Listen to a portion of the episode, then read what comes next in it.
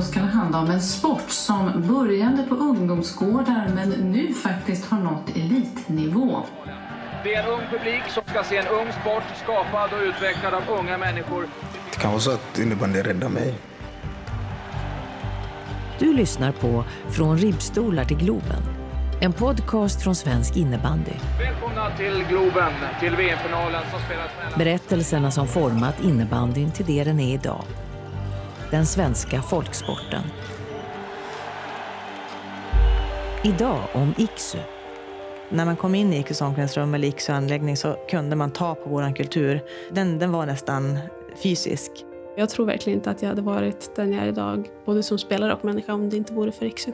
Laget från Umeå som nådde den yttersta framgången och sen försvann. Det var som en begravningsdag.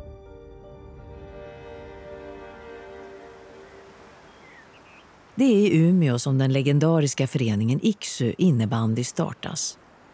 Det kommer bli ett av världens främsta lag med en unik kultur där passionen för sporten och kärleken till klubben är viktigare än pengar och berömmelse. Där kommer några av Sveriges bästa innebandyspelare kultivera ett sportmannaskap olikt något annat. Men allt det som de tillsammans bygger upp under flera årtionden kommer när de minst anar det abrupt ryckas ifrån dem och försvinna. För alltid. Under 70-talets andra halva blomstrar den ideella idrottsverksamheten i Umeå. Idrottsklubben Studenterna i Umeå, IKSU, har med sina 2500 medlemmar vuxit ur sin kostym. De behöver både nya lokaler och ett bredare utbud av idrott för att kunna möta den ökade lusten för att idrotta. Det dröjer inte länge innan det är en sport som är helt klart överlägsen. Innebandyn. Konkurrensen om de få tillgängliga halvtiderna är hård. Det är först i samband med bygget av en ny, egen idrottshall under tidigt 80-tal som intresset för innebandy ökar på riktigt. Innebandyn lockar allt från motionärer till elitspelare och intresset slår alla rekord. Året efter är 115 innebandylag anmälda i den årliga turneringen. 1988 bildar man därför en innebandysektion i Iksu. Och 93 spelas den första nationella serien på damsidan i innebandy och det blir en helt okej okay första säsong för Iksus damlag. De slår sig snabbt in bland utmanarna i seriespelet och håller sig stabilt i mitten av tabellen under andra halvan av 90-talet. Men trots att Iksu etablerat ett bra spel blir det inte många slutspel för tjejerna. Ett par år senare, 1999, frodas innebandyverksamheten i Umeå. Det har tidigare funnits elitlag över hela norra Sverige, men Umeå har gått om dem alla. Det byggs nu idrottshallar på fler ställen i staden, vilket förbättrar möjligheterna för de många Umeålagen ännu mer. Samma år kommer en ny tjej in i laget. Hon heter Susanne Ekblom och kommer närmast från Kiruna IK. Jag kände mig väldigt välkommen på en gång i laget. Eh, det kändes som en trygg och bra grupp. Ja, men det var en väldigt familjär stämning och jag, jag fastnade för en gång för, för laget och trivdes väldigt bra där och har gjort det genom alla år. I elitserien, det som senare blir SSL, finns tre Umeålag på damsidan. Men det blir just Iksus fana som Susanne kommer bära flera år framöver.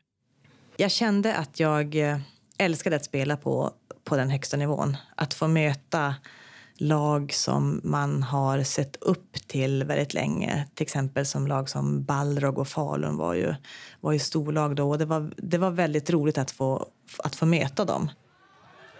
Ett år senare, under 2000, är en kvartsfinal i SM-slutspelet det längsta laget tagit sig. De har på något sätt stagnerat och tar sig inte vidare. Samma år börjar Susannes man, Niklas Ekblom, att engagera sig i Iksus styrelse. Man sätter då upp en plan för hur laget ska kunna ta sig till nästa nivå. Eh, samtidigt som jag kom in där i styrelsen så sattes en, en, eh, en plan med ett mål att man inom tre år skulle faktiskt ta sig hela vägen till en SM-final. Så det var en ganska djärv plan. Men jag tror att man kände, vi kände allihop att ja, men nu är det dags att vi börjar skruva upp det här och, och, och ta kliv framåt. Ett tag ser det ut att gå enligt plan. 2004 slutar Iksu tvåa i grundtabellen strax efter storfavoriterna Balrog och är därför klara för SM-slutspel. Men precis som de två tidigare gångerna laget tagit sig till ett slutspel åker de ut i kvarten. Någonstans här föds ett rykte om att Iksu inte klarar av att leverera när det gäller. Samma år, 2004, blir Niklas Ekblom Iksus nya sportchef. Både han och resten av ledarstaben och spelarna förstår att något behöver förändras om målet om SM-guld ska nås. Vi hade ju ett, vi hade en bra lagkänsla, stabil, välfungerande förening med alla funktioner runt omkring. Vi hade också börjat träna ordentligt. Det hade vi gjort några år innan. Alltså verkligen träna fysträningen satt, en ny, satt det på en ny nivå eh, för sporten. Men det vi kunde känna att vi saknade, det var... Vi hade ju ingen landslagsspelare vid det eh, tillfället. Så ingen hade liksom tagit alla kliven till att bli riktigt, riktigt bra individuellt duktiga spelare. Det behövs något som hjälper varje spelare att nå sin maximala potential.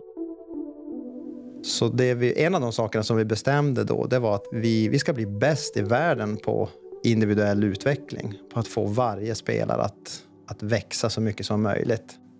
Alla spelare fick jobba med individuellt fokus för att på så sätt höja lagets högsta eh, ribba. De förändringar som nu görs handlar om individuell utveckling. Det handlar både om att ge alla spelare i laget en tydlig roll och stärka dem individuellt men också om speltekniska detaljer. Mycket fokus på att titta på oss själva också när vi spelade. Vi började kolla mycket matcher, spelade in dem och satt och analyserade och tittade. Hur ser det ut? Eh, jag minns själv, jag hade som mål att jag skulle vara framåtvänd i banan och vrida uppåt. Och då satt jag och kollade på de här matchfilmerna och räknade många gånger jag vände upp och hade som stenkoll på det. För det var det vi skulle prata om på nästa samtal med, med mina tränare. Hur går det med mitt mål? Hur ser det ut? Eh, så det blev verkligen en, en drivkraft att, att jobba med sina mål. Man förstår ganska snabbt att de mjuka värdena är viktigast i IKSU. Särskilt med tanke på att ingen av spelarna har någon ekonomisk ersättning överhuvudtaget för att spela i klubben. Vi la ner otroligt mycket tid på de här äh, individuella samtalen med spelarna. Och då, det var ju viktigt också att spelarna fick en möjlighet att lyfta saker som, som hade med deras liv i övrigt att göra. Därför att vi förstod ju det att mår man inte bra som människa så då kan man inte prestera här heller. Så det var ju en del i det, att, att verkligen värna om att varje spelare skulle må bra. I samband med dessa förändringar sker även ett tränarskifte. Kurt Söderström och Peter Grubbe Grubbström kommer in i laget. Och med sin långa erfarenhet ska de två få en avgörande roll i att ta satsningen på ett SM-guld i mål. Dels var de ju en, en perfekt kombination i, i, ledarskapet. Men var för sig så hade de också eh, precis rätt kompetens för att vi skulle kunna göra de här sakerna. Så, så de var ju oerhört viktiga för att vi lyckades de där första åren. Det nya ledarskapet i kombination med Ixus unika kultur gifter sig perfekt. Och i seriespelet 2005 är det ett helt nytt driv i laget. Grundserien går över förväntan och innan de vet ordet av har de vunnit semifinalen mot Högdalen och är klara för final mot Pixbo. Men för tjejerna i Iksu är det inte finalplatsen som väger tyngst. Vårt fokus låg på wow, vi ska få spela i Globen. Och det var så vi pratade om efter vi hade vunnit vår semifinal och vi skulle få åka och spela vår första SM-final i Globen. Då, då sa vi så här, wow, vi ska spela i Globen. Jag tror inte att det var så mycket tankar på en SM-final, det landade in sen. I april 2005 tar tjejerna plats på planen framför 9000 åskådare. Laget ska spela final och äntligen få visa att det hårda arbetet gett resultat. Efter tre otroligt jämna perioder går matchen till förlängning och avgörs i sudden death. De här matcherna när det står och väger, när det är otroligt jämnt, så behövs ju någonting extra. Och då tror jag att de här bitarna vi hade med oss, att alla spelare blev lite bättre individuellt. Vi hade en enorm tro på oss själva eh, och det var en otrolig glädje och det var tydliga roller och vi spelade verkligen ett spel tillsammans som lag. Då, då gjorde det att vi, att vi vann. Den järva planen har till allas förvåning gått i lås. Iksu har vunnit sitt första SM-guld. Spelarna i Iksu har tagit enorma kliv individuellt. Och samma år som första SM-guldet tas hem platsar fem av tjejerna i landslaget och får spela VM i Singapore. Det forna mellanlaget från Umeå har växlat upp och blivit en stadig utmanare bland de andra topplagen. 2008 bestämmer sig Kurt Söderström för att sluta som tränare i Iksu. Det blir stora diskussioner om vem som ska ta hans plats. Men i augusti kontaktar Niklas Ekblom till slut Johan Jocke Sjöström, då tränare för en annan Umeåklubb, Ersboda SK. Ja, vi träffades på ett fik i Umeå, pratade lite grann och sen gick det snabbt. För Johan blir tränarrollen i Iksu en utmaning han inte kan tacka nej till. Från att liksom ha varit i tryggheten och i den förening där man själv har suttit i styrelse och jobbat med allt möjligt och varit ledare och spelare i alla år och växt upp så stod man där och hade världens bästa lag helt plötsligt. Individfokuset är fortfarande något som genomsyrar verksamheten när Jocke kommer till truppen. Att ha individuella idrottare i ett lag kan verka motstridigt. Men på något sätt skapar detta unika koncept tillsammans med den starka kulturen ändå ett starkare kollektiv. När man kom in i Ikus omklädningsrum eller Ikus anläggning så, så kunde man ta på vår kultur. Den, den, den var nästan fysisk.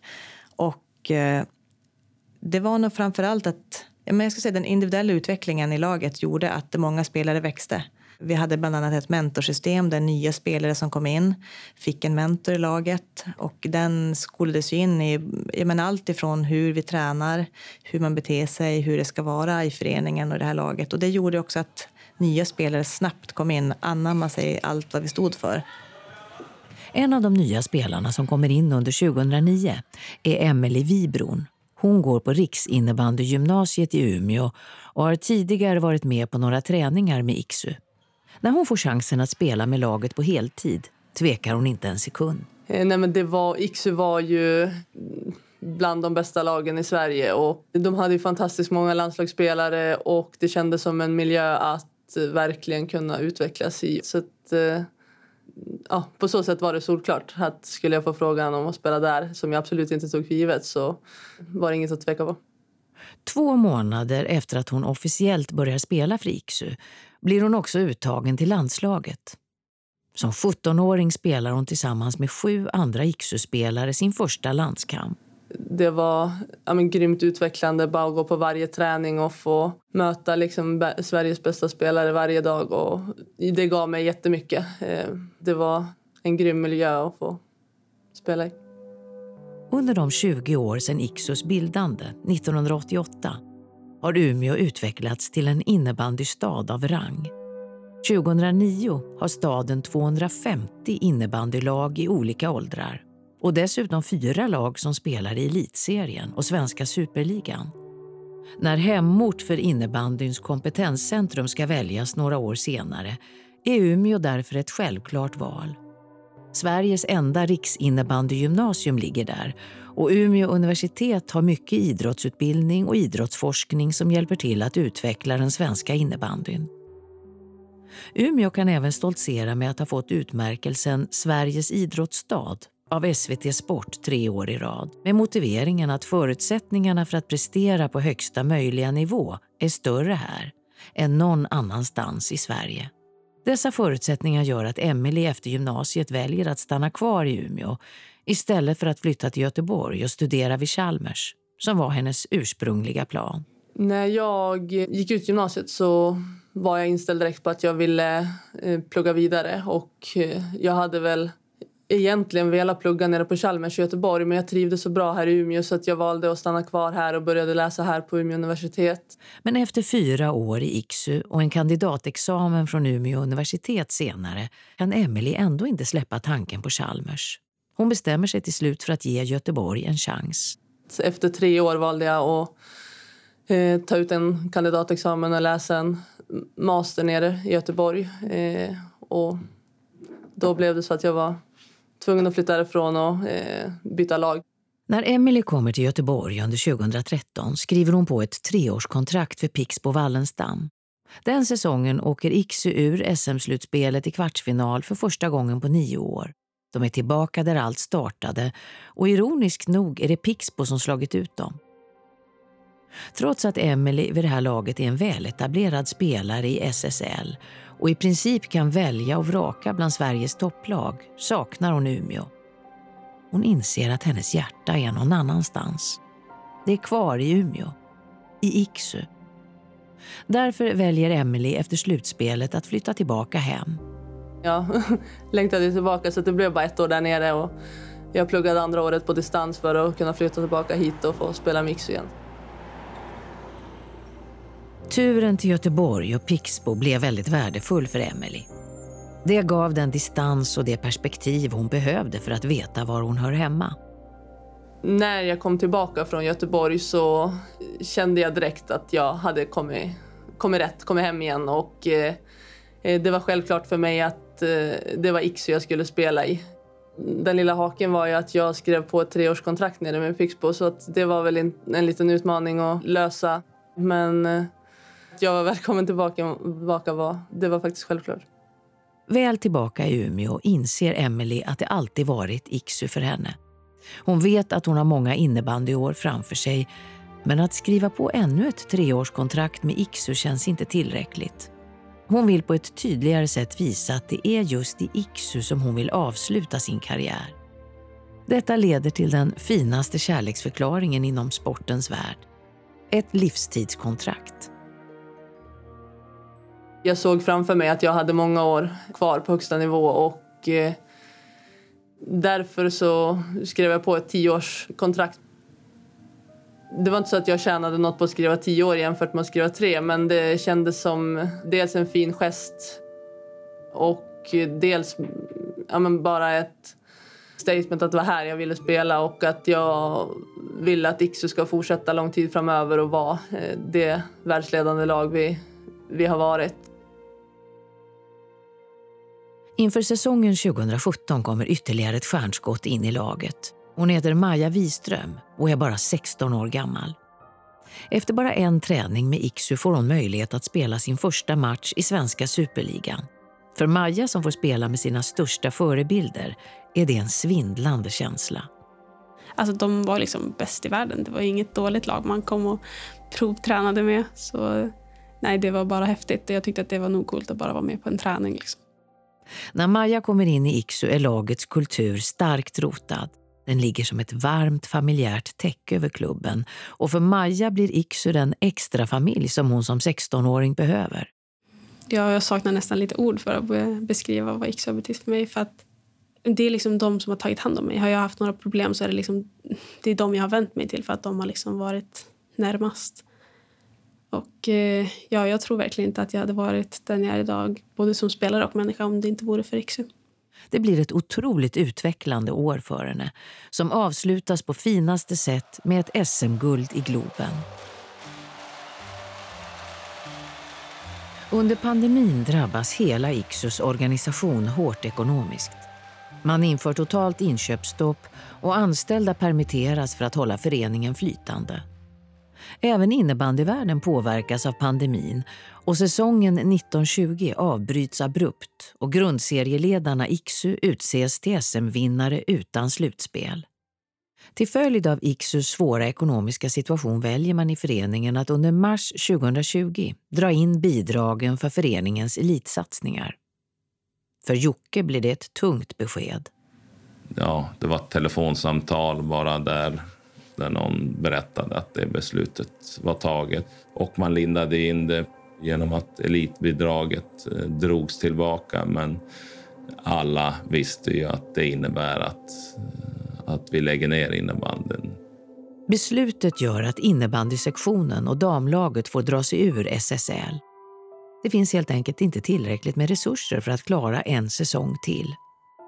Men att beslutet kommer är inget som förvånar Jocke det har varit på gång och vår existens inom Iksu har diskuterats i, i många år och jag har full respekt för den diskussionen utifrån att, att kärnverksamheten är någonting annat än innebandy. Men eh, sättet det gjordes på och så, det hade kunnat gjorts bättre. Äh, det var mycket ångest att kalla till ett möte och ta det där. Och Det var några väldigt jobbiga veckor. Det egensinniga laget från Umeå som betytt så mycket för så många under flera årtionden finns inte längre. Historien avslutas och Emelies fina kärleksförklaring, livstidskontraktet, går upp i rök. För Emelie och Maja som vuxit upp med laget blir beskedet oerhört tufft att ta emot. Jag tror inte att jag fattade vad som hände. Jag bara okej, okay, typ inget elitbidrag. Men jag förstod nog inte riktigt vikten av det. Eh, men när det sjönk in så blev det ju som ett stort hål. Liksom, för att ja, men det har som varit min familj och helt plötsligt så, så fanns det ingen, ingen plan för att vi ens skulle kunna spela tillsammans längre.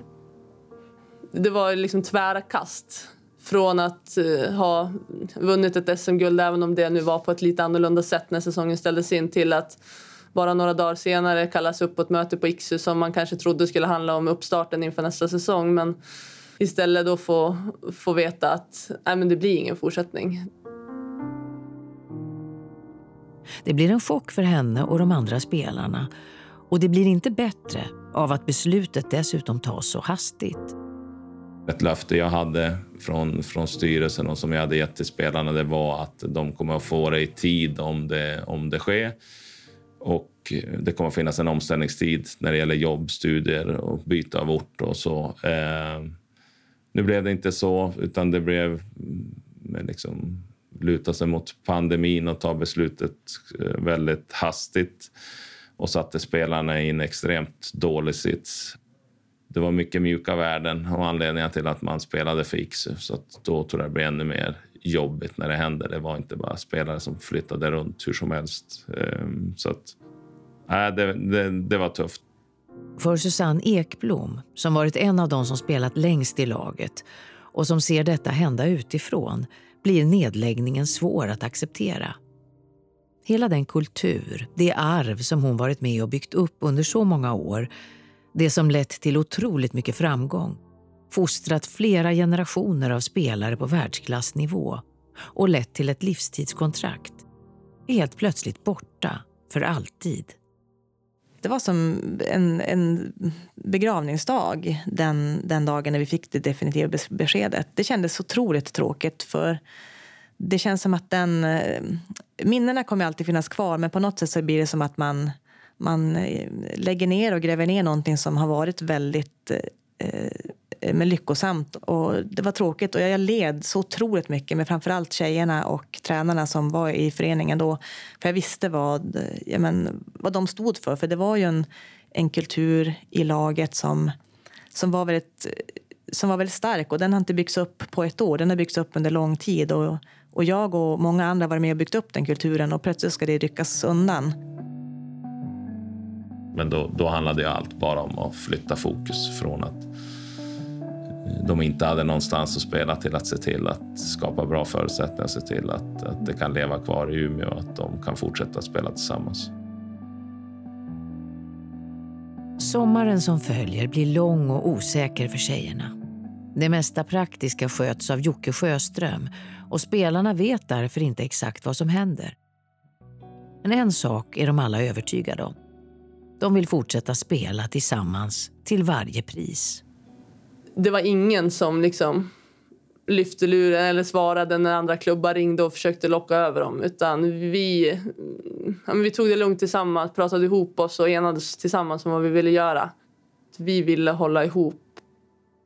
Ja, vi hade ett möte och sen så satt alla, alla vi där och typ grät. Och det var så fint på så många sätt samtidigt som det bara var så sorgligt. Och sen kändes det ändå som att vi byggde ihop något tillsammans där vi sa att vi, men att vi ändå ville fortsätta spela tillsammans. Ja, jag fick höra om hur tjejerna hade agerat när de fick veta att de skulle lägga ner och så fick jag höra om det som hade hänt i omklädningsrummet. Susanne Ekblom igen där de hade bestämt sig för att jag ska inte spela med någon annan än er. Det är er jag vill vara med.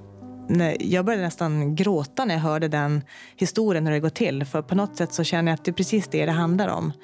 Den här lagkänslan, att det är vi tillsammans som ska göra det. Under den sommaren får laget utstå mycket skriverier i media. Alla undrar vad som händer och det börjar spridas rykten om att spelare efter spelare bestämt sig för att lämna Iksu. Men det enda det gör är att återigen bevisa hur stark Iksu-andan är. Vad andra tycker, det är oftast... När folk tycker någonting så är det oftast de som inte kan. Alltså de har ingen aning. Så det, för mig räcker det i alla fall att vi vet vad vi, vart vi har varandra och vad vi gör det här för. Efter en nästintill outhärdlig väntan kommer svaret på hur de ska få fortsätta spela tillsammans. Team Thorengruppen. Då kändes det som att en enorm sten bara föll från, från hennes axlar och det kändes bara så skönt att, att vi skulle få spela tillsammans igen. Thorengruppen befinner sig i allsvenskan när Iksus tjejer ansluter till truppen. Under pandemiåret lyckas de nå kvalet för SSL men på grund av pandemin ställs kvalet in. Det blir således inget SSL för Thorengruppen. Och det skulle ju alltså innebära att vi skulle behöva göra ett år i allsvenskan för att först ta oss upp till SSL för att sen året därpå kunna eh, slåss om SM-guldet igen. Men det spelar ingen roll för de forna Iksu-spelarna. De är beredda att gå ner och spela i allsvenskan så länge det innebär att de får fortsätta vara tillsammans. Vi bestämde oss att är det det som krävs då, då gör vi det så länge vi gör det ihop.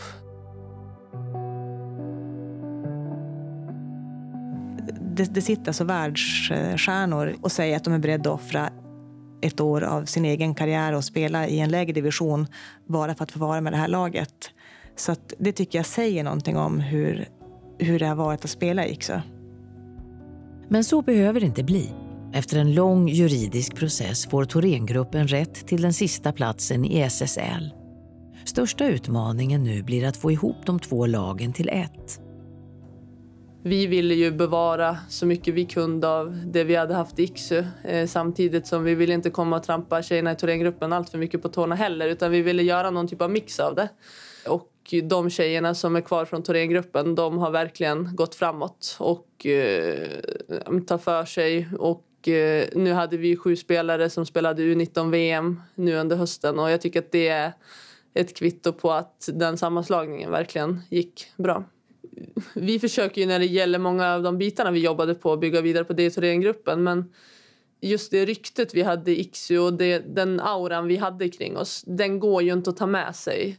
Det gäller både här i Sverige men också mot utländska klubbar vi har mött i Champions Cup och så. De, de hade ju respekt för Iksu liksom och det, det går inte riktigt att ta med sig den, den känslan och de sex guldstjärnor ovanför klubbloggan på matchtröjan. Och det är tråkigt att det fick ett slut, verkligen.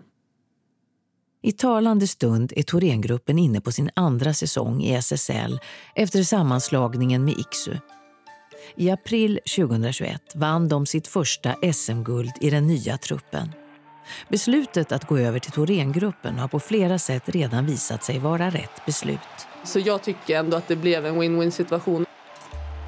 Vi trivs väldigt bra eh, i Thorengruppen och jag tycker att vi har bevarat mycket av det vi... Den känslan vi hade i Iksu. Kulturen och upplägget och jag tycker att övergången har gått eh, bra och det är väl på så sätt det som finns kvar av Iksu får försöka leva vidare. Under åren har Iksu hjälpt till att flytta fram innebandyns position i sportvärlden på flera sätt. De har med sitt individfokus utvecklat en lagkultur helt olik någon annan och höjt ribban med flera meter för både fysträning och spel med boll. Laget har helt ideellt fostrat några av världens bästa innebandyspelare och skapat en gemenskap så unik att spelarna i laget satte den över alla andra bedrifter. Innan sagan tog slut under våren 2020 hann Iksu spela hem sju SM-guld och lika många Europacup-guld.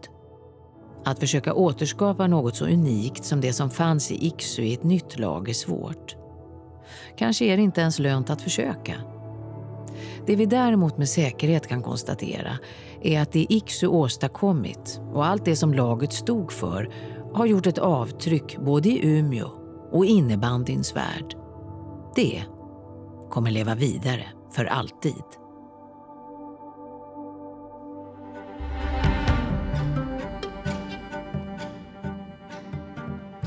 Du har hört Svensk innebandys podcast från ribbstolar till Globen om Iksu.